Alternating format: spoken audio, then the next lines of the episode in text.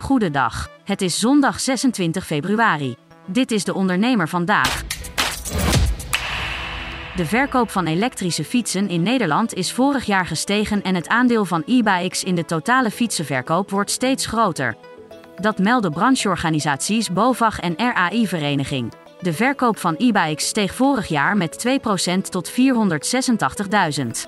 Bijna 60% van de fietsverkopen is inmiddels elektrisch. Werkgevers gaan het coronavirus voortaan net zo benaderen als andere bedrijfsrisico's. Dit zegt een woordvoerder van de werkgeversverenigingen VNO-NCW en MKB Nederland in een reactie op het nieuwe corona-advies van het OMT. Het Outbreak Management Team vindt coronatesten en isolatie niet langer nodig. Werkgevers zullen het advies volgens de woordvoerder opvolgen. De groene deelvoertuigen van GoSharing zijn vanaf volgende week weer te gebruiken. Het bedrijf maakt vandaag bekend dat het is overgenomen door BinBin, de grootste aanbieder van deelvervoer in Turkije. Dankzij de overname kan GoSharing zijn deeldienst voortzetten.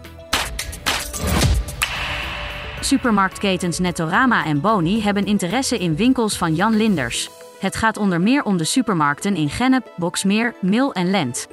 De van oorsprong Limburgse keten gaat grotendeels verder onder de vlag van Albert Heijn, maar niet alle winkels gaan mee in de overname. Freelance-expert Kim Trots legt uit hoe je afkomt van werken op basis van uurtje-factuurtje. In de blog van de dag legt ze uit hoe je op de juiste manier jouw tarief bepaalt en hoe je jezelf op waarde kunt schatten. Tot zover de ondernemer vandaag. Wil je meer? Ga naar deondernemer.nl. Een stip met een microfoon. Voor een ondernemer die durft te dromen van het grote succes. Een ondernemer die in de spotlight stapt om de vakjury te overtuigen van het gouden businessconcept. Dag David. Hi Ben. Welkom Nick. Christina. Ben je er klaar voor?